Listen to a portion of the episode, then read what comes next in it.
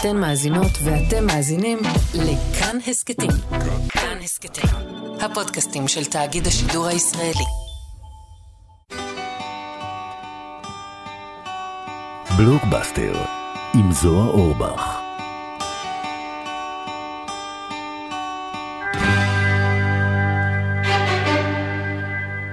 שלום וברוכים הבאים לבלוקבאסטר. אני זוהר אורבך, וקולנוע זה בגדול הדבר היחיד שאני מבין בו. והיום איתנו לא אחרת מגלית חוגי, מנחת רדיו, חברה קבועה בפאנל מה שתגידו, ובעיקר בעיקר, תסריטאית זוכת פרסים, שכתבה יחד עם שותפתה ליצירה נועה ארנברג את הסדרות האחיות המוצלחות שלי, ומה קרה לחווה ונאווה. מי שמע על חווה ונאווה? אוי ואבוי. לא נורא, זה טוב כן, גם ככה. את אוהבת? בטח, בטח. וגם את הסרטים, עוד סיפור אחד, וזרים מושלמים. בזרים מושלמים עשינו את העיבוד בעברית, ובעוד סיפור אחד עשינו עריכת תסריט, אבל כן. רק רציתי לומר, אנחנו הרי פודקאסט קולנוע, יש כאן גם חיבור הטלוויזיה לקולנוע. היא יותר חשובה וטובה מהקולנוע. אנחנו עוד. נגיד לזה, אנחנו עוד נגיע לזה, גלית. שמעו, מאזינים יקרים, לפני שנתחיל את השיחה, אני רוצה להודות במשהו, אולי חלקכם שמתם לב אליו. אני נורא נורא אוהב להתחנף. אני באמת? נורא נורא... מת על זה. אוקיי. באמת, וזה המקום לומר, גלית, כן, לפני שנועה ואת הגעתן, עם האחיות המוצלחות שלי, כן. לא היה מספיק מקום לנשים מצחיקות בקולנוע וטלוויזיה בישראל. היו כאלה, כמובן, ידענו נשים מצחיקות, כן. אבל הן לא באמת קיבלו את מרכז הבמה כמו שהן קיבלו אחרי שאתן באתן עם הסיפור של האחיות למשפחת קטן. אמ, קודם כל, תודה, אני לא חושבת שזה אנחנו עשינו את זה, אני חושבת שהיה איזה רגע. הרגע הזה גם קרה בעולם.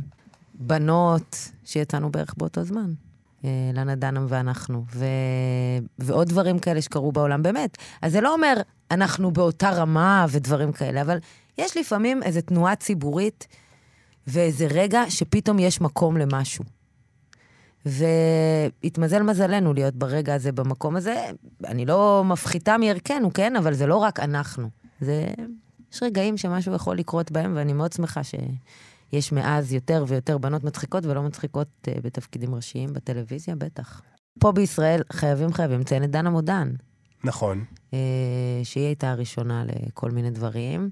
אה, בעולם יש את נורה אפרון, יש, יש נשים בעולם שה, שהיו כאילו, שלא התנצלו על נשיות מקולקלת. מה זה נגיד, נשיות מקולקלת, גלית?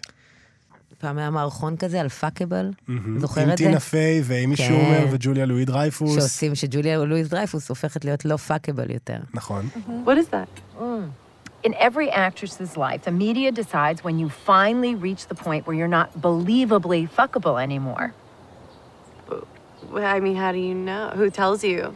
well, nobody nobody really overtly tells you, but there are signs. אה, you know, בגלל הגיל שלה. היום האחרון שבו היא פאקבל. בדיוק. אז סדרות שבהן הגיבורה היא לאו דווקא פאקבל, והיא כל מיני דברים. יש לנו אגב תרגום למילה הזאת? אה, אני רוצה- סקסית טובה דייה? או, אני לא יודעת. הסקסית טובה דייה. אני, חייבת, אה, זה נשמע מאוד כבד שאני אומרת את זה ככה. גלית היא התסריטאית פרופר הראשונה שבאה אלינו. כל אחד עדיין, סבבה, באו אלינו אנשים שידעו לכתוב... היה, אה, לך שחקנים. היה לי שחקנים, היה לי שחקנית אחת שכותבת תסריטים, נועה קולר, האורחת כן. הראשונה שלנו. מיד אחריה באה גם אבי נשר, שגם כותב את הסרטים אבל שלו. הוא במאי, כאילו. הוא במאי, למרות. שהוא עותר באמת, אבי. אבל בסדר, אוקיי. את הראשונה שבאה לכאן שהמקצוע. שלה הוא תסריטאות. כן. למה תסריטאות? יש יותר יפה מזה בכל העולם הזה? תגיד לי מקצוע אחד יותר טוב. רציני. אני, מה שאני עושה, זה מרחלת עם הצופה על העולם, כמו שראיתי אותו, ואני אפילו לא נדרשת לביים את זה. אנשים אחרים יעשו את זה, למרות שבדברים שנועה ואני עושות, אנחנו מאוד מעורבות בצילומים עצמם. אבל uh, אני מאוד אוהבת לכתוב, אני כותבת מה שאני ילדה. Uh, אני מאוד אוהבת טלוויזיה, פשוט באמת לא השקיעו בי בכלום, ולכן צפיתי בכמות אדירה של טלוויזיה בחיים. טלוויזיה זה הדבר הכי יפה, והקסם זה, זה חיית המחמד שלי, טלוויזיה. אני קשורה לטלוויזיה, אני ג'אנקית אידיאולוגית של טלוויזיה. היום, לצערי, פחות, אבל האהבה שלי אליה היא גדולה. למה פחות? כי יש ילדים או כי. יש מלחמה? אה, זה, זה שילוב. אה, וגם כי כזה, אז מה, כי יש ילדים קודם כל, ואז יש שעות שלא מדליקים את הטלוויזיה, גם הילדים שלי, למרבה הבושה, הילדים שלי, אני מרשה להם לראות טלוויזיה רק בסוף שבוע. יפה. כי הטלוויזיה, כמו שהיא היום, היא מאוד גדולה עליהם. זאת אומרת, הבן שלי רואה ביוטיוב, בטלוויזיה, והאין סוף אפשרויות הזה, זה משהו שהוא לא יכול לשאת ביום-יום. אז לכן זה מוגבל אצלם, אז יש שעות שלא רואים טלוויזיה, אבל אני מאוד... טלוויזיה גידלה אותי בהרבה מובנים. כן. קולנוע או טלוויזיה, למה טלוויזיה ולא קולנוע? קולנוע זו מערכת יחסים מאוד uh, קצרה בסופו של דבר, זאת שעה וחצי, שיכולה ללכת איתי לתמיד, כן? או להרבה. כמו שנדבר פה על סרטים שבאמת הולכים איתי ל... כאילו, הם, חל... הם כזה חלק מהלב שלי, אבל uh, טלוויזיה זה מערכת יחסים ארוכת טווח. בטח בטלוויזיה הישנה, הליניארית, פעם בשבוע, מש... זה... יש עדיין כאלה כמובן, פעם בשבוע יש לי דייט של חצי שעה, בימים אלה יש לי דייט עם הטבח. כן? כן. אה, וגם תחשוב על איך שאנשים רואים טלוויזיה, באינטימיות הזאת, בסלון, במיטה, בטלפון. זה, וגם הדרך שבה הסדרות מסופרות הוא הרבה יותר רוחבי. זאת אומרת, סרט קולנוע, תמיד יהיה סיפור מוסר עם התחלה, אמצע וסוף. מובהקים. גם אם הם אה, מורכבים. סדרה מראש באה לספר סיפור יותר רוחבי. הסוף של הגיבור יכול להיות בפרק אה, שלוש, ואז יהיה שינוי, ואז יהיה... תחשוב, אני חושבת על היחסים שלי עם טוני סופרנו. יפה, בואי נדבר על היחסים שלך עם טוני סופרנו. אנחנו, יש לנו יחסים. אם טוני סופרנו מזמין אותי ליום הולדת שלו עכשיו, אני יודעת מה לקנות, לא מתנה. אני מכירה אותו, אני ממש מכירה את האיש. ומצד שני לסנדק, את לא יודעת מה לקנות ליום הולדת. אני אביא, לא יודעת, משהו שמביאים, אבל יש שם פחות זמן להראות לי את נימי נפשו. בטח בסרטים, וגם הסנדק זה טרילוגיה, הזאת, אתה יודע. אבל uh, בדברים אחרים, סרט, אני מדברת על המיינסטרים, אתם תביאו לי עכשיו דוגמאות של דברים שלא, לא ללכת לא לצדדים. באמת, מה, אני באתי להציק. לא, בוא נלך על המיינסטרים. במיינסטרים, העלילה היא הכוכבת של הסרט. כי ככה זה. ב... כי אתה בשעה וחצי ובסדרות, הכוכב של... זה יש... היחסים, הדמויות הן הכוכבות של הסדרה. אני, רגע לפני שנתחיל עם חמשת הסרטים שלנו, כן. אה, אני רוצה שנשלם שנייה מס למצב. נכון? תמיד אוקיי. כישראלים אנחנו משלמים לו מס. וזה הזמן לספר עוד פעם, ברצף החנופה שלי, כן.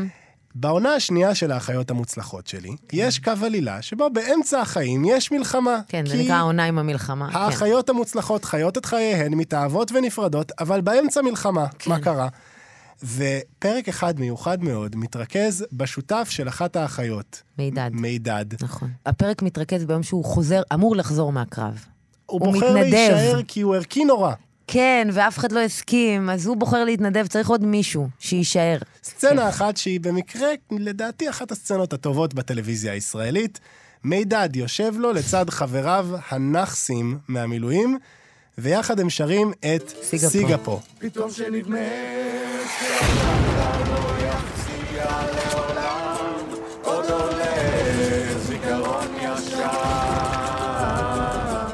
עד היום לא הבנתי את הסצנה הזאת, אבל אה? בזמן אמת כשראיתי אותה חייל שבוז ועצבני, לא יכולתי להפסיק לבכות. בואי תסבירי לנו למה התכוונו המשוררות. וואה. טוב, אה, הסצנה הזאת קורית קודם כל עם אה, טל טירנגל ורועי עידן, היוצר של מנאייק. וכמובן, ושלומי אברהם הוא מידד. אה, מידד הוא חייל מאוד מאוד ערכי, הוא בתנועה, הוא נשאר במלחמה, ואז יש להם באמת איזו סצנה סוריאליסטית שהם שרים את השיר הכל כך כל כך ישראלי חסר פשר הזה. הם באיזשהו מקום שהוא, מידד מאוד לא מסתדר איתם. הישראליות הזאת שעוטפת אותם, והיא מין כזה, הייתה לנו... קודם כל, אומר, זה נועה, נועה, היא הבינה שזה השיר הזה, לקח לנו זמן להבין איזה שיר, והיא התעקשה והיא צדקה. המילים האלה של השיר הזה, שהן גם נשמעות כמו... זה רק פרשנות שלי, כן, נועה, אולי יש לה תשובה אחרת. כמו איזה המנון אה, חיילים, צעירים בהודו, משהו כזה, ישראליות חסרת פשר כזאת, אתה מבין? לפעמים יש איזו ישראליות כזאת, כמו בשיר סיגפו, שאין לה מש... שהיא חסרת פשר, שהיא כזאת, כמו קהל של אה, צופים בכדורגל, שצועקים איזה המנון ישראלי של משהו שאתה לא מבין מה הוא אומר אפילו, אבל רק יש לו איזה אה, מנהגים של טקס, וככה הרגשנו עם השיר הזה. וככה הרגשנו גם עם החיבור של שלושת האנשים האלה שהם מחוברים פה במשימה לא ברורה, פשוט לא באו לקחת אותם, והם מחוברים פה באיזה משהו שאין לו... אין דרך בכלל לתרגם אותו, אתה מבין? הוא אקראי. אנחנו מתחילים את המסע שלנו בסרטים של גלית חוגי עם נערות שעשועים שביים פול ורהובן בשנת 1995. גלית חוגי, שעשעי אותנו לרגע, מה זה נערות שעשועים בשבילך? אה, נערות שעשועים, זה סרט שמאוד מאוד לא הוערך כשהוא יצא, אה, זה נקרא מותחן אירוטי, זה ממש הגדרה גרועה. זה אחד הסרטים הפמיניסטיים הגדולים אה, של אה, שנות ה-90, ואולי בכלל, בטח בעש- בעשרת הסרטים הפמיניסטיים ביותר. קודם אוקיי. נדבר על נעמי, לא נעמי חלילה. היא הגיעה משום מקום, ומי שמתעסק, מתרסק. אבל איש לא יעמוד בדרכם. המטרה, קודם כל, לוודא שאיש לא ייגע בה בלי שהיא תסכים לזה קודם לכן. נכון. אבל גם להיות הרקדנית הנערצת ביותר בכל לס וגאס. בדרך היא תסתכסך עם כוכבות ותלכלך את הידיים, בזמן שאנשים בחייה מנסות לעצור אותה בדרך, והגברים לא טובים יותר מזה. ויש כאלה שעוזרים לה, ויש כאלה שמנסים להרוג אותה, אבל היא בשלה. אם תצפו בסרט הזה היום, קשה שלא לראות שהסרט הזה הוא ביקורת קשה על הוליווד, על נשים בהוליווד, אה, ועל מה נדרש מהם. כתבתי על הסרט הזה באמת את אחד, אני לא... יוצא שאני מרימה לעצמי, אבל יאללה, זה תרימי. אחד הטקסטים שלדעתי הכי טובים שכתבתי בחיי. זה פורסם בהארץ, היה קטע על נערות שעשועים במלאת 25 או 20 שנה לסרט. כולם מאוד מאוד הסתלבטו על הסרט הזה, חוץ מאחד, טרנטינו קוראים לו. הוא אהב את הסרט בזמן אמת. כל השאר, הסרט הזה אה, השיג שיאים שליליים של אה, ביקורות. זאת אומרת, הוא נחשב לבדיחה, והוא הרס את הקריירה של אליזבת ברקלי, הכוכבת שלו, שהייתה לפני זה בצלצול הגואל, מין סדרת נעורים כזאת, והייתה אמורה להיות כוכבת גדולה. מה שהציל את הסרט הזה מלהיות הבדיחה של ההיסטוריה, הוא המצאת ה-DVD. כי בדיוק כשהסרט הזה יצא, התחיל לצאת מכשיר ה-DVD, ואנשים לקחו את הסרט הזה בקטע אירוטי, ולכן הוא שבר שיאי מכירות. אבל זה לא הדבר היחיד שקרה לו, זה גם הציל אותו בסוף לאיזו עדנה מחודשת שהסרט הזה קיבל שנים אחר כך. מיניות של נשים, שאפשר לדבר עליה בכל אחד כמעט מהסרטים שבחרתי. מיניות של נשים בהוליווד הייתה, אני לא צריכה להגיד לכם, חובבי הקולנוע, אבל אתם יודעים שהיא כמובן דואלית, כן? מצד אחד תהיי פתיינית, אבל אל תרצי. תהיי פתיינית, אבל אז תהפכי להיות שמרנית. ברגע האמת אבל, תהפכי להיות שמרנית. את לא יכולה שניהם.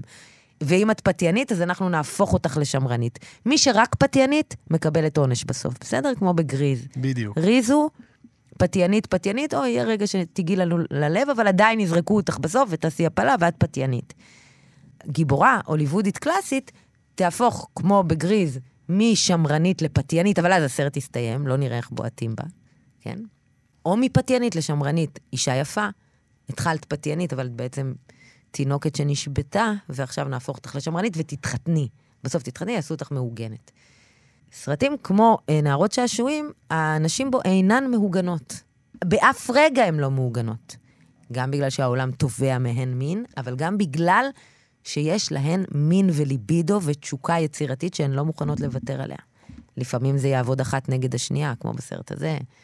בדרך הזאת שבה מראים אה, מיניות נשית בקולנוע, הסרט הזה הוא בטח פורץ דרך, וממש תראו אותו. זה, זה סרט כה, כה, כה טוב. אז תשמעי, כשהתחלתי לראות את נערות שעשועים, אני הייתי עם הצד שנהנה להשמיץ את הסרט. הרי בכנות, גלית, כמה שאנחנו לא נדוש בזה, את לא יכולה להתכחש לעובדה שיש בסרט הזה המון קמפיות. רגעים קמפים ומגוחכים ומטופשים. נכון. השאלה אם זה בכוונה השאלה או אם לא. זה בכ- מנומק, בדיוק. אם זה מנומק או לא. נכון? וכשאתה רואה את רגע, הסרט הזה אצל, עכשיו... אצל טרנטינו, להבדיל, אין רגעים קמפים? ממש, יש המון, יש? וכשאתה רואה את הסרט הזה עכשיו, בטח אחרי קרוב ל-30 שנה, כן. אי אפשר להתעלם מהעובדה שפול ורהובן, הבמאי של כמה שנים לפני, שבר אותה עם אינסטינקט בסיסי, כן. האיש הזה יודע לעשות קולנוע.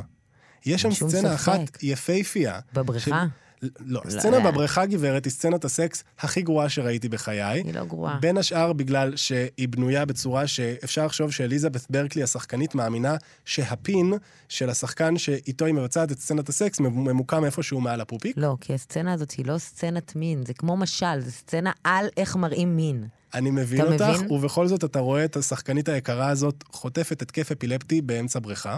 נכון, בעיניי זה, זה... זה כמו הדם אצל טרנטינו, איך שטרנטינו מראה דם. זה, זה לשחוק את זה.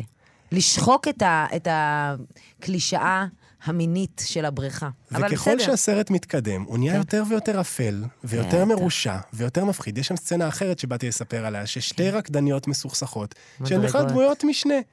שתי רקדניות משניות ששונאות אחת את השנייה. אחת מחליטה סופית להביס את השנייה בכך שהיא מפזרת גולות על הבמה. כך שהרקדנית שבינתיים נישאת על כפיו של רקדן אחר, תחליק ותיפול ותשבור את הברך, וכך היא תנצח. וזאת סצנה שעשויה באמת בתעוזה קולנועית אמיתית. זה, זה רגע מופתי. אבל אז, רגע אחרי, אתה רואה את אליזבת ברקלי משחקת. ובואי שנייה נדבר על הגברת. כן. בואי שנייה נדבר על הדיבה. כי באהבה גדולה, ואני מבין את כל מה שאת אומרת על הסרט, אני לא מתכחש אליו, היא נותנת פה תפקיד קטסטרופלי. אני לא התחברתי אליך, אני מאוד מאוד, היא מאוד נגעה לליבי. כמובן, הרגע הזה שהיא טועה בשם של ה... של ורסאצ'ה. כן. היא אומרת, ורס- ורסייז. היא אומרת ורסייס, Nice dress. Thanks. I bought it at Versace. אבל אה, יש היא רגע... קורבן. היא קורבן, אבל- והיא כועסת. כל הזמן היא כועסת. כלומר, למשל, שואלים אותה, מאיפה הגעת? היא אומרת, Different places. different places! והיא אוכלת, היא מנסה לאכול שנייה, ובזמן שהיא מנסה להכניס את הקש לפחית, היא פשוט נועצת, היא דוקרת את הפחית, ומעיפה את הצ'יפס לכל מקום, פשוט כי היא ניסתה עכשיו לאכול המבורגר וצ'יפס. כן. היא כועסת על הכל, ואחר כך הבמאי פול ורהובן אמר בכנות, היא קיבלה אליזבת ברקלי המון ביקורות קטלניות, פשוט בגלל שהיא עשתה את מה שאמרתי לה לעשות. לא, אין ספק. עכשיו, אבל גם כשאתה מתייחס לזה, אפילו מה היא לובשת שם. האישה הבלונדינית אוכלת המבורגר. זה, זה דימוי פרסום, פרסומת לגמרי. ראית איפשהו רקדנית אוכלת המבורגר? אף פעם לא. זהו, אז תחשוב על זה גם. זה לקראת סרט הסוף... אומנותי מאוד, זה, אבל זה, זה כמו לנתח דיוויד לינץ', לנתח את פול ורובן הזה, את נערות שעשועים. והעניין הוא שדיוויד לינץ' נו- נורא עושה את זה עם עלילה של לך תבין.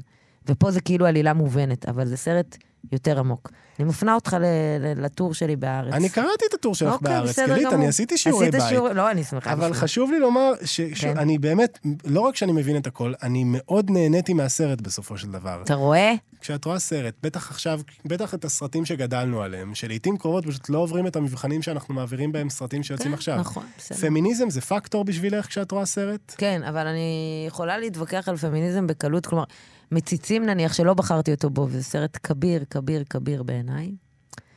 אה, מציצים הוא לא סרט אה, שוביניסטי, הוא לא סרט מיזוגני בעיניי.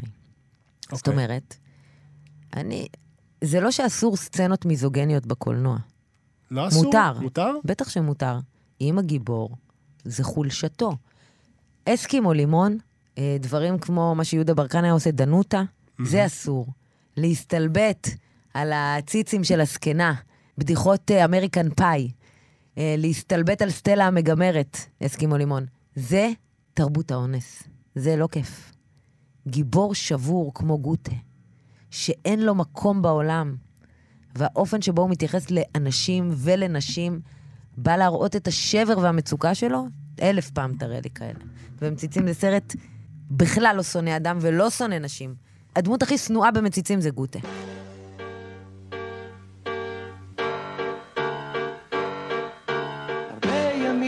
ישנתי על מזרון כשר אוהב מקור כלבים מסתכל למעלה אל הכוכבים אנחנו הגענו לצ'ארלי וחצי, שביים בועז דוידזון בשנת נכון. 1974, לפני שנולדתי. ו-22 שנה לפני שאני נולדתי. גלית, כן. תושיטי לנו חכה, מה זה צ'ארלי וחצי בשבילך? אוקיי. אז הייתה תופעה מדהימה מאוד בישראל, שלצערי אין זמן להרחיב עליה, וקראו לה הכבלים הפיראטיים. כשמתחילות הספריות וידאו, אנשים מחברים כבלים מווידאו, מכשיר וידאו שאצלהם בבית, לבתים של אנשים, והם משדרים דברים. עכשיו, היו משדרים כל מיני דברים בכבלים הפיראטיים, כולל חתונה של מישהו מהשכונה. זו הייתה הפעם הראשונה שמזרחים הצליחו לראות את עצמם בטלוויזיה. פעם ראשונה. הסרטים האלה, צ'ארלי וחצי, סנוקר וזה, למרות שהם נעשו על ידי יוצרים אשכנזיים, והם אה, בורקס נחשבים וזה וזה, זה קומדיות עממיות על מזרחיות, עם מזרחים, זאב רווח. אה, והדברים האלה, הצמא אליהם היה עצום. בשבילי, לראות.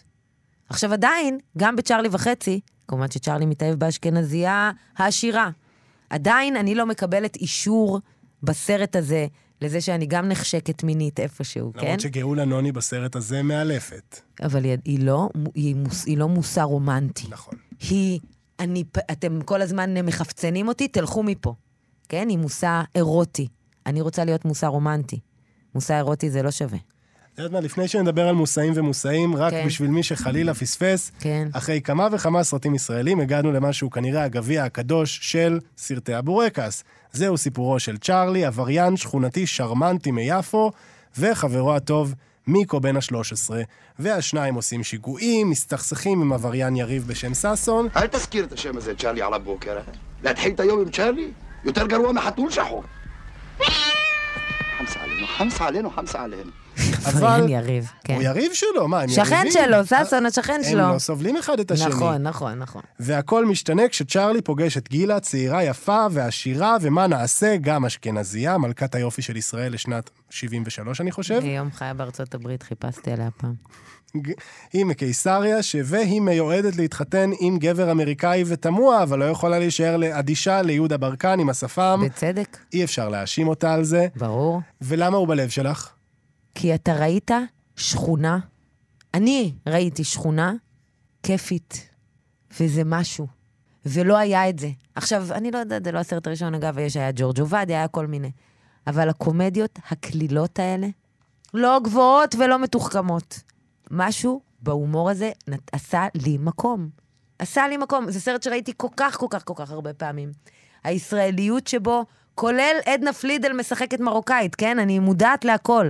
אני לא באה לתקן את ההיסטוריה. אבל זה אפשר לאיזשהו פולקלור אחר, קצת, איזה, איזה פתח. בלי להיות אה, סאלח שבתי המחנך, והאמת היא שהסרט הזה כמעט לא עוסק ככה פרונטלי באשכנזים מזרחים, למרות שכמובן אבל שכן. את מרגישה שהוא כן אומר משהו? את, כמי שחשוב לציין, אחרי, בשיעורי בית שעשיתי, גיליתי שגלית חוגי, יחד עם אה, תום אהרון הנפלא, הקימה פעם חפלה מחתרתית אוי, זה מה זה כיף. מה זה השם? המזרחי החדש בתחת שלי, כן. המזרחי החדש אוי, בתחת זה שלי. היה אירוע עם שם נהדר. כמו המזרחי החדש בתחת שלי. זה היה ערב מדהים, אז כן. בואי, תספרי לי, מה אנחנו רואים בצ'ארלי וחצי? רק סרט בורקס ששם מזרחיות בפרונט, שזה כשלעצמו לא, זה גם מספיק? מצחיק. א', זה מספיק. ב', זה סרט מצחיק מאוד בעיניי, אבל אולי כי גדלתי עליו, לא יודעת אם הייתי רואה אותו היום לראשונה. דבר שני, צ'ארלי וחצי זה גם שפה. פצוע קשה, לא יודעים מה יש לו. זה, זה, זה שפה של אנשים שנמצאים במקום מסוים, זה ז'רגון כאילו. כמה ביצים? כמה שיש. איך, איך הדבר הזה נכנס ככה? איך השפה הזאת נכנסת ככה ל, לאנשים כמו ש... אה, זה לא הדבר היחיד, כן? אבל זה מה שאני באה להגיד פה. שפה והמהפכה האמיתית, העמוקה של הכבלים הפיראטיים, שבעצם היו אנשים שהיו כאלה עוצרים, עוצרים באלף, כן? העוצר, אני מבינה שזה אנשים לכאורה עבריינים ששידרו מהבית שלהם, אבל היה איזה בן אדם עוצר שהשפיע עליי על ידי להראות לי סרטים טורקיים וצ'ארלי וחצי בימי שבת, וזה... זה אכן השפיע, מה אני אגיד לך? וזה הזמן שלי לצטט את מורי ורבי, הדוקטור שמוליק דובדבני, שלימד כן. אותנו על הסרט הזה, וניתח איתנו את סצנת הסיום. במקור, סצנת הסיום הזאת כן. הייתה אמורה להיות אחרת. במקור, כמו באבא גנוב, עשור אחרי, מיקו היה צריך להישאר בארץ, יחד עם צ'ארלי. אבל אז בועז דוידסון הראה את הסרט הזה בהקרנת מבחן באולפן, והמנקה אמר לבמאי, תגיד, למה שהילד יישאר בדרק הזה פה? ובסוף דוידסון הבין שהסוף החזק יותר יהיה אם צ'ארלי ימריא, אם מיקו ימריא לאמריקה. נכון. וזאת בעצם הדרך של הסרט לומר למזרחי, שומע נכון לעכשיו, אין לך מקום פה. לחלום הציוני אין מקום בשבילך פה. יותר מזה, אני, אני חושבת שהסצנת סיום שלו היא נהדרת ויפהפייה. ושוב, גם מה שאני באה לומר, זה, זה לא רק אה, זה שהחלום הציוני אין לו פה מקום בשבילך, גם איפה שהם גרים, אה, אבל גם זה שצ'ארלי וחצי, כאילו דיברנו על המושא האירוטי. המושא האירוטי המזרחי הזה, מי חבר שלו? ילד בן 13? הקשר בין שני האנשים האלה, שלא מצליחים להיות הגבר, לא משנה איך הוא נראה, לא משנה כמה צ'ארם יש לו.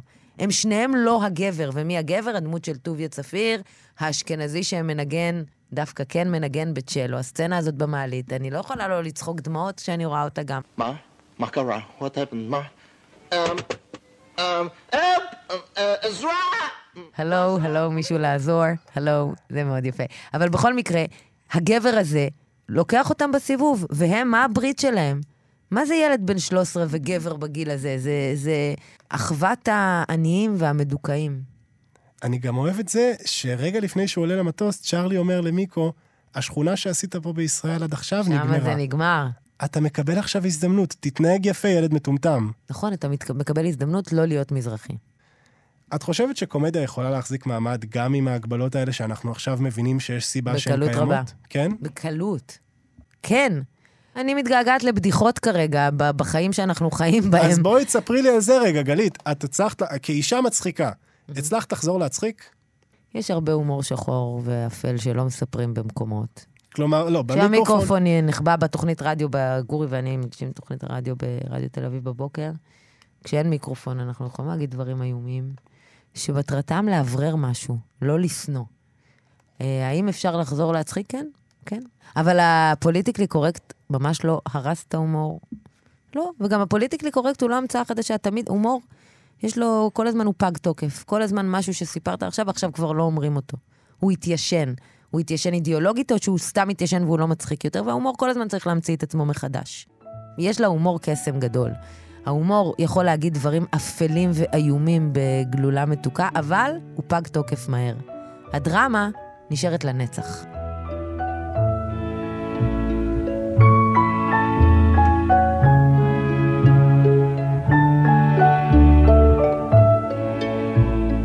אנחנו עכשיו עם פרנסס הא, שביים הבמאי עם הבמאי. המתחרז, עם השם המתחרז, נוח באומבך בשנת 2012. נוח באומבך זה לא חרוז. נוח באומבך?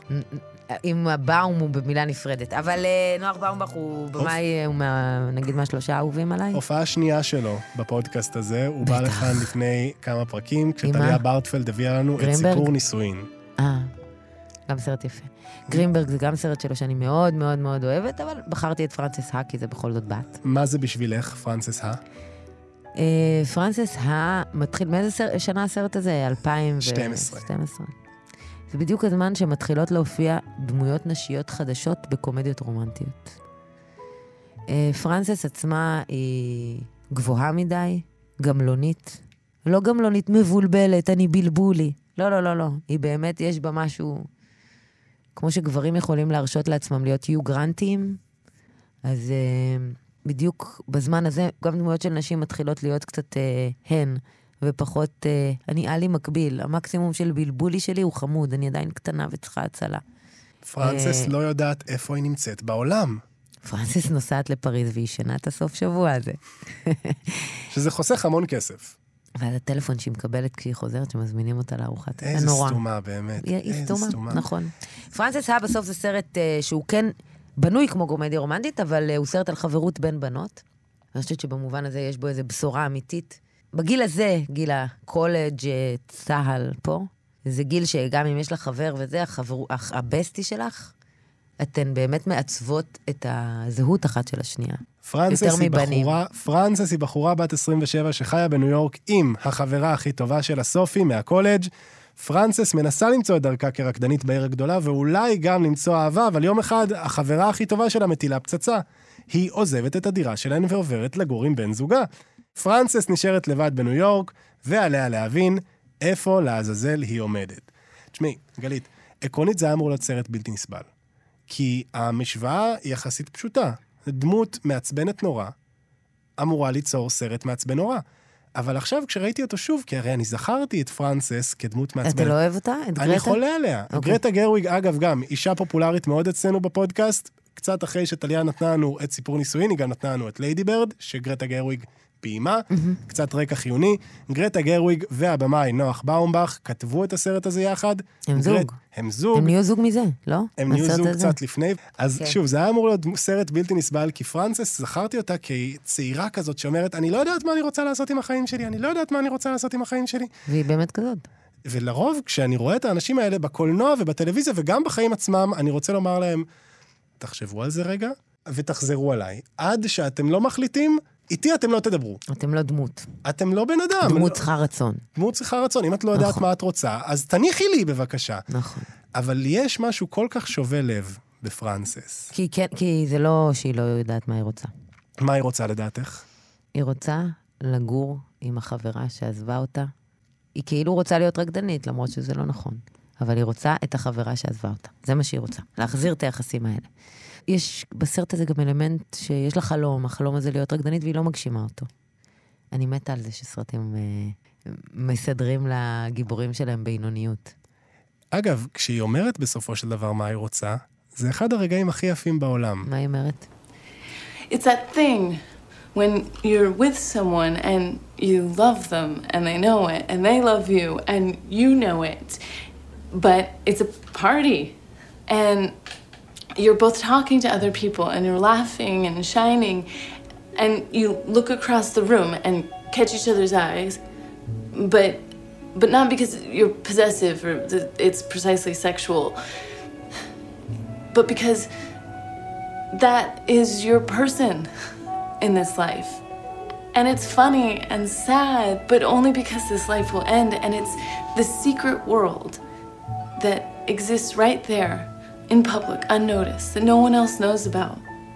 היא רוצה את ההרגשה הזאת בטקסים בבית ספר, שיש את הילדה המעצבנת ששרה את לאורך הים, ואז את ועוד מישהי בטקס מתאפקות מלצחוק ולא מצליחות. זה מה שהיא רוצה. לצחוק עם עוד ילדה בטקס. ואת זה בסוף היא מקבלת. מקבלת. יש עוד רגע בסרט הזה שהוא ממש שירה צרופה בעיניי. כשסוף סוף סופי ופרנסס מתפ... מתפייסות, אחרי שהן רבו פיצוצים, כן. הן מתפייסות והן ישנות לילה אחת עם השנייה. הן לא לסביות בשום צורה, הן חולקות יחד מיטה והכל ממש הן בסדר. חברות. הן חברות והכל סבבה. וסופי הולכת בב- בבוקר, היא לא רוצה להעיר אותה, היא כותבת לפרנסס פתק, אומרת, הכל טוב, ממי, נדבר בהמשך. אבל פרנסס רצה אחריו, והיא צועקת,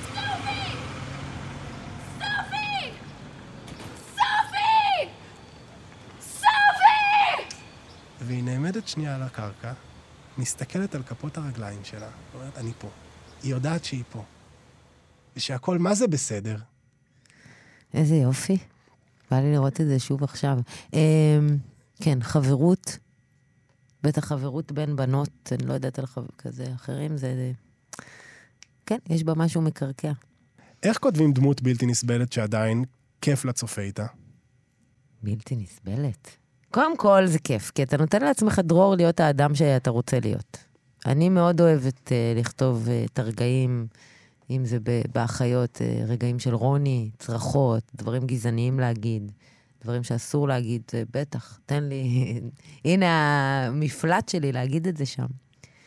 אז גם דמות בלתי נסבלת, זה יותר קל לכתוב דמות, דמות בלתי נסבלת, כי אתה אומר דברים ש... את הדברים האפלים שאתה מתבייש לחשוב, שאתה חושב אותם, או שאתה מתבייש לחשוב אותם. איך אתה עושה אותה אהובה? קודם כל זה גם בא מהשחקנית, אבל גם uh, שהיא תצחיק. דמויות מצחיקות קשה לשנוא. גם אם הם נבל בדברים אחרים. אתה, יש משהו שאתה אוהב בהם.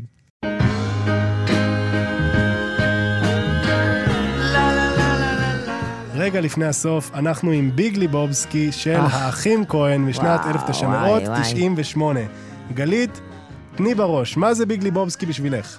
זה סרט עמוק מאוד על גבריות. קודם כל, האחים כהן, כל מה שהם עושים, כל מה שהם יעשו, זה רק למחוא כפיים. כי זו יצירת מופת על גבריות ועל המלחמה בעיראק.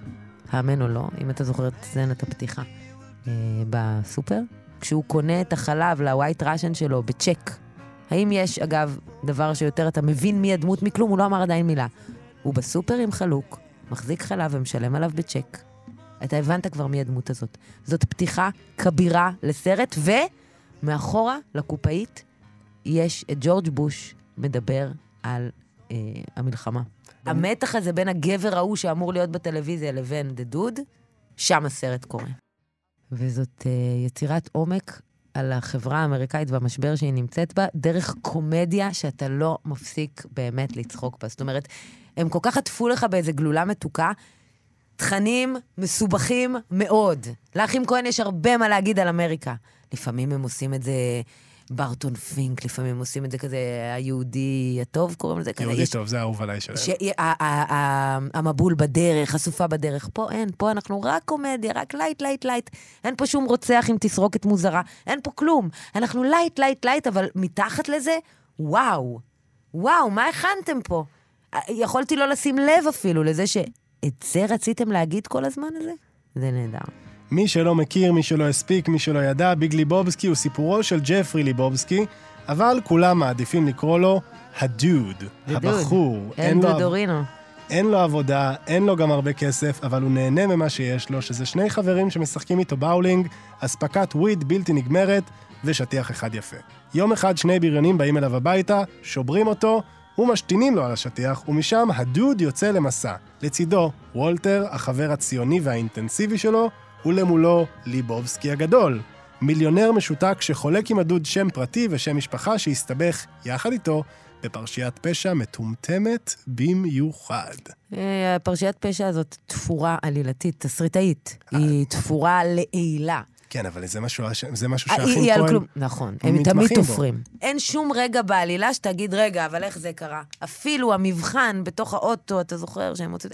הכל שם כל כך, כל כך, כל כך תפור, שגם אתה לא יכול שלא להתרשם מהמלאכה הזאת. אבל לובובסקי, שהוא... תשמע, ביג לובובסקי, דה דוד, זו דמות אייקונית, שגם חוגגים לה כזה, יש לה פעם בשנה פסטיבל דה דוד, וזה זה אורח חיים. I'm the dude. So that's what you call me, you know? Uh, that or uh, his dudeness or uh, duder or, uh, you know, El Duderino if you're not into the whole brevity thing. זו האג'נדה הסטלנית של העולם, האג'נדה של דדוד. אג'נדה שאני מתחברת אליה, אה, במובן של איך לראות את החיים. ודמויות כאלה הן באמת אייקוניות, והוא גם משחק את זה מרהיב. ג'ף ברידג'ס. הנפלא והנהדר. יש חתיך ממנו? תגיד לי, מה תשמעי, עושים? האמת שאני די מעדיף בחתיכים את יהודה ברקן על ג'ף ברידג'ס, לפחות בצ'ארלי וחצי. אה, יש לא. ימים שגם בפלפלים צהובים. אה, אבל על... זה תלוי כמה האופל אפל היום, אה? בדיוק, חד כן, משמעית. כן, כן, הוא מכירה את הימים האלה. שאתה אומר. הוא? כן. שפתאום אתה מוצא את עצמך, חושב על מישהו, או, כן, אז אני אגיד על ג'ף ברידג'ס ועל הדוד, כן. ביג ליבובסקי עושה משהו שאני מאוד אוהב, וזה לקחת את מי שעד עכשיו הכרנו כדמות משנה, ולשים אותו בתפקיד הראשי. ממש. לא קיבלנו דמויות ראשי, לא קיבלנו גיבורים גדולים שהם פשוט סטלנים דבילים. נכון. אבל כאן הם לא רק לוקחים אותו ושמים אותו בתפקיד ראשי, הם שמים אותו בתפקיד ראשי בז'אנר. הכי פחות סטלני. הרי או, מותחן. בלשי, בלש במותחן בלשי צריך להיות מפוקס, הוא צריך להיות חד, הוא צריך להיות על הדברים. בהחלט. וגם הם עשו כבר סרטי בלשים לפני זה, באמת כאילו סרטי בילו... איך קוראים לזה? רצח אמיתי? איך קוראים לזה? אה, לא, רציחות רציחות פשוטות. פשוטות. זה סרטי בלש, הם כאילו. יודעים איך נראים סרטי בלש. אבל פה "איזה רק מתפננים. נכון, כן. זה, זה, זה מקסים מה שאתה אומר, נכון? לא חשבתי על זה ככה. אבל באמת אתה רואה את זה ככה, אתה זוכר את הסצנה שהוא הולך לשחרר את האוטו. What are you doing? Here you go, Larry. You see what happens? You see what happens, Larry? You see what happens? This is what happens when you fuck a stranger in the ass, Larry. אז זה הציטוט האהוב עליי בסרט הזה. This is what happens when you fuck a stranger in the ass. שהוא אומר לו, אם יש למשטרה כיוון, והוא אומר לו, we don't have a lead yet. והוא אומר לו שטובי המוחות יושבים על זה. They uh, got uh, four more detectives working on the case. They got us working in shifts. הסרט מתעקש להתייחס לסיפור של הדוד כאל סיפור גדול מהחיים. הוא אפילו- סיפור גדול מהחיים שנוגע בהרבה הרבה חתיכות של האמריקאיות. זאת אומרת, הדוד יוצא למסע ופוגש את האומנית ההיפית, הבת של לובובסקי, ופוגש את הפורנו, את ג'וליאן היצרן. מור המהממת. מדהימה, שהם אחרי זה נהיים זוג. אה, יש להם ילד ביחד, ושזה גם חיבור מדהים, והוא פוגש את, היצ... את אלה שעושים פורנו. מה הופך דמות לבלתי נשכחת? חידה. אני חושבת שניגוד פנימי חו- וחולשה, קודם כל, כל דמות טובה חייבת שיהיה לה רצון בחוץ.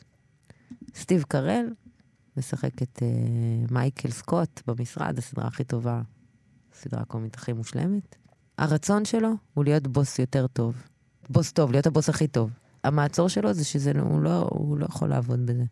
אין לו סבלנות, הוא אוהב לעשות בדיחות, הוא, הוא עצל, הוא לא חרוץ. המתח בין שני הדברים האלה זה, זה בסיס של דמות. עכשיו, אם היא תהיה מספיק מקורית ומנוגדת בפנים ותעשה דברים שהם אפילו נגד הרצון שלה, ויהיה לה כל מיני דברים הופכיים, הדמות הזאת תהיה בלתי נשכחת. אבל אין מתכון. המתכון למה עושה דמות, מה, מה עושה בן אדם למישהו ששבר לך את הלב? אני. לא, יש גם משהו בהם, לא בשוברי הלבבות. זה נכון.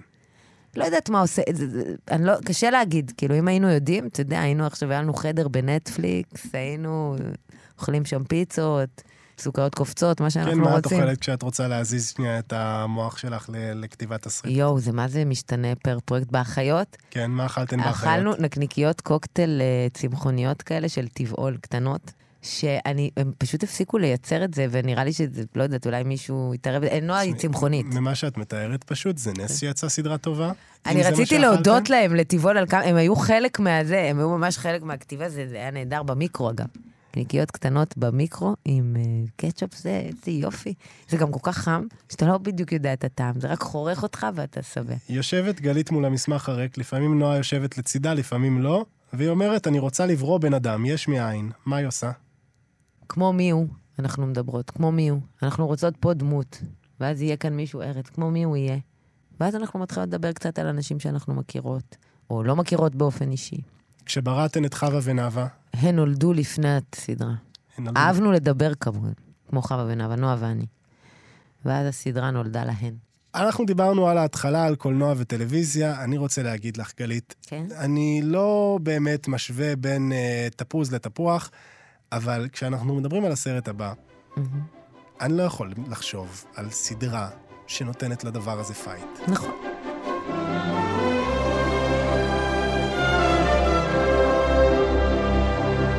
E.T. חבר מכוכב אחר שביים סטיבן ספילברג בשנת 1982. אה, מליסה מתיסון כתבה. כן? כן, אבל כן. זה יחד איתו. האיש לא תסריטאי. תעופי איתנו לחלל ותחזרי עם מסקנות. מה זה E.T. בשבילך? קודם כל ראיתי את איטי בקולנוע, ואני רוצה לספר שהבן זוג שלי לקח את הבן שלנו, שהוא בן חמש וחצי, לסינמטק לפני כמה זמן, אה, לראות את הסרט הזה, בדיבוב לעברית. והוא אמר לי שזה הקולנוע של... שהסרט עובד עדיין, כאילו השנה היא 82. כל הילדים בכו, והוא שומע כל מיני ילדות אומרות, אמא, אני אוהבת אותך, ודברים כאלה, בסוף של הסרט הזה. והסרט הזה הוא באמת נצחי ומפואר, ואני חושבת שקולנוע הוא דבר נעלה, אין ספק. ואיטי הוא סרט מאוד מאוד מאוד יפה.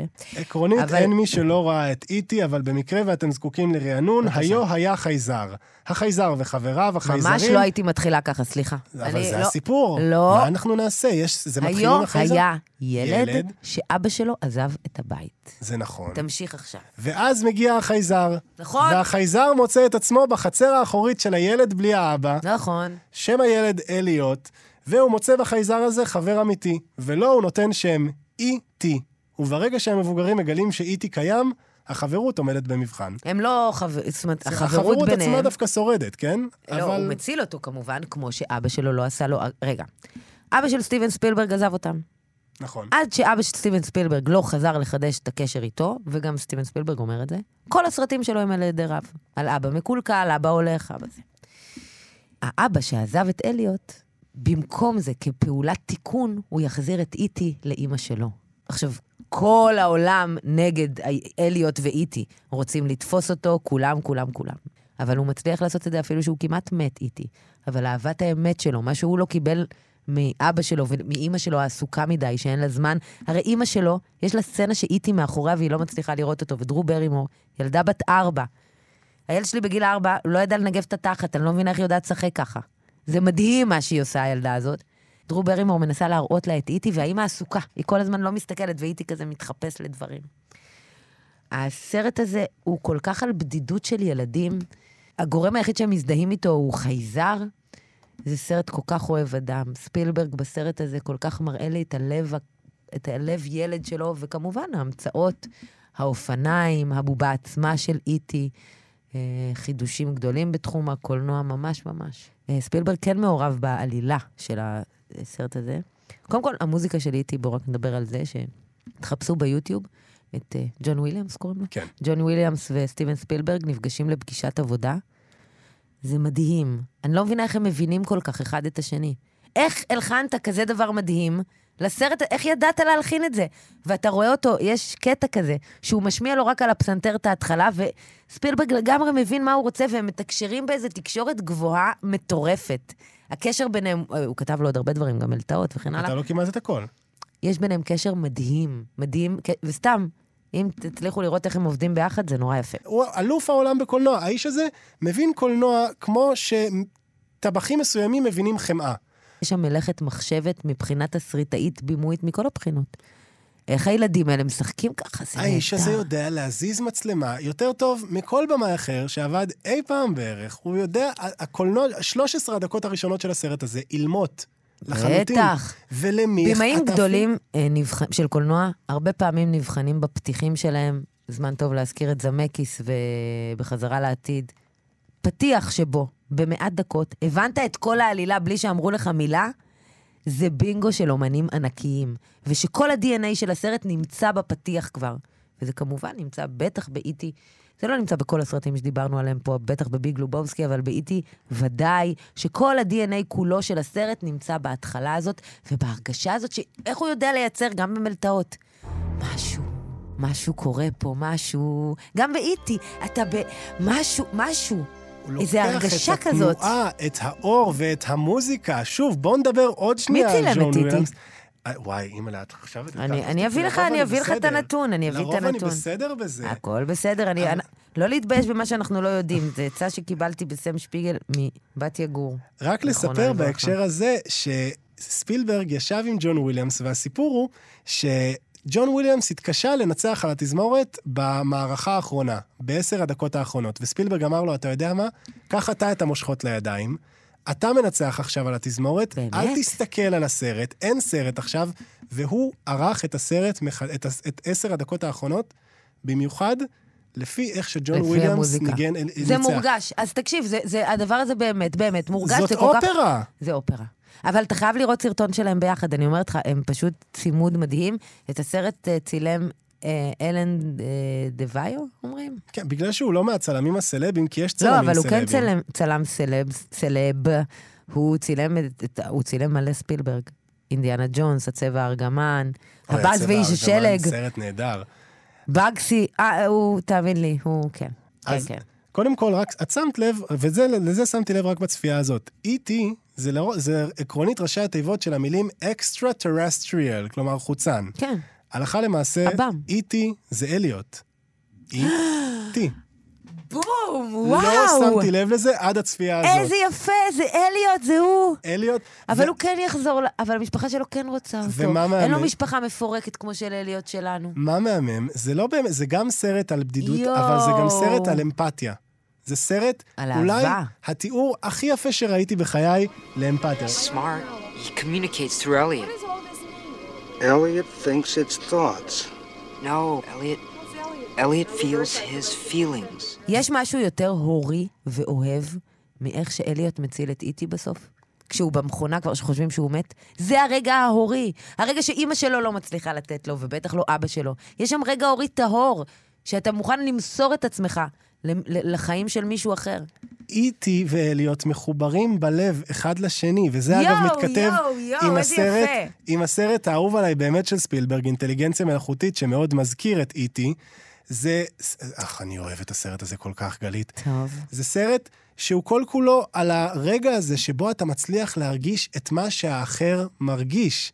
וזה נכון, אגב, לגבי כל הסרטים שבחרת. בכל הסרטים שבחרת, יש חברות, גם בין נעמי לחברה שלה, שתהיה בריאה, גם. בין צ'ארלי ומיקו, גם בין פרנסס לסופי, נכון. גם בין, מה עוד היה לנו כאן? אליוט ואיטי. לא, וגם... וביג לובובסקי ווולטר. כן, ג'ף ווולטר. כן. וגם, כן, איטי ואליוט. אז אני רוצה לשאול אותך, רגע לפני סיום. חווה ונאווה. חווה ונאווה, וגם האחיות קטן, וגם אה, נבט וליזו. כן. איפה חברות כזאת תופסת אותך? איפה האהבה הזאת בין אדם לאדם, כזה שלא רוצה לשכב איתו, לא רוצה לשכב איתך, אחי, אני אוהב אותך, אבל אהבת אמת. איפה זה תופס אותך? יש רגעים בחברות, תשמע, אני אימא, ואני בת, ואני בת זוג, והדברים האלה הם, הם, הם ברורים, כאילו, מה התן וכך בזה. ההורה יאהב את ילדו, לא משנה מה, הילד צריך את, את אהבת הוריו, לא משנה מה, בזוגיות יש את אה, עולם המין, ששם עוד משהו בתוך היחסים האלה, ובחברות, יש סתם אנשים שאוהבים אחד את השני. וזה כל כך יפה שזה קורה. זה כל כך יפה, אפילו אם זה לרגע, אפילו אם זה לתקופה. לא יודעת, חברות היא באמת אה, מצילת חיים, יש בה משהו כל כך נטול, רק איזו ראייה משותפת אל העולם, או משהו משותף בלב. לא יודעת, זה יפה בעיניי, איך יוצרים עם חברה? עם דדליין. זה לא קשור, כאילו, היחסים שלנו, של נועה ושלי כחברות, לא קשורים כמעט ליחסים שלנו כשותפות. יש לנו מפעל, אנחנו עובדות בו, ואנחנו שותפות לעבודה. גם, כאילו, אבל זה חשוב הדבר הזה. גלית חוגי, תודה רבה לך. על נערות שעשועים, על צ'ארלי וחצי, על פרנסס הא, על ביג ליבובסקי ועל אי.טי. אני זוהר אורבך, תודה רבה לעורכת שלנו, דניאל מאורר, תודה רבה למפיקה, נועה טייב. גלית, תודה רבה לך. תודה רבה, היה כיף מאוד. כן, שמעתם את זה ממש. חברים? היא נהנתה. ממש. אורחים לעתיד, היא נהנתה, הגברת ממש, נהנתה. הגברת זוכת נהנתה. פרס האקדמיה לטלוויזיה, בהחלט. נהנתה נהניתי, ברמות. נכון. אנחנו בלוקבאסטר, אנחנו זמינים בכל יישומוני ההסכתים ובאתר כאן. נתראה בשבוע הבא, ועד אז, תשמרו על עצמכם.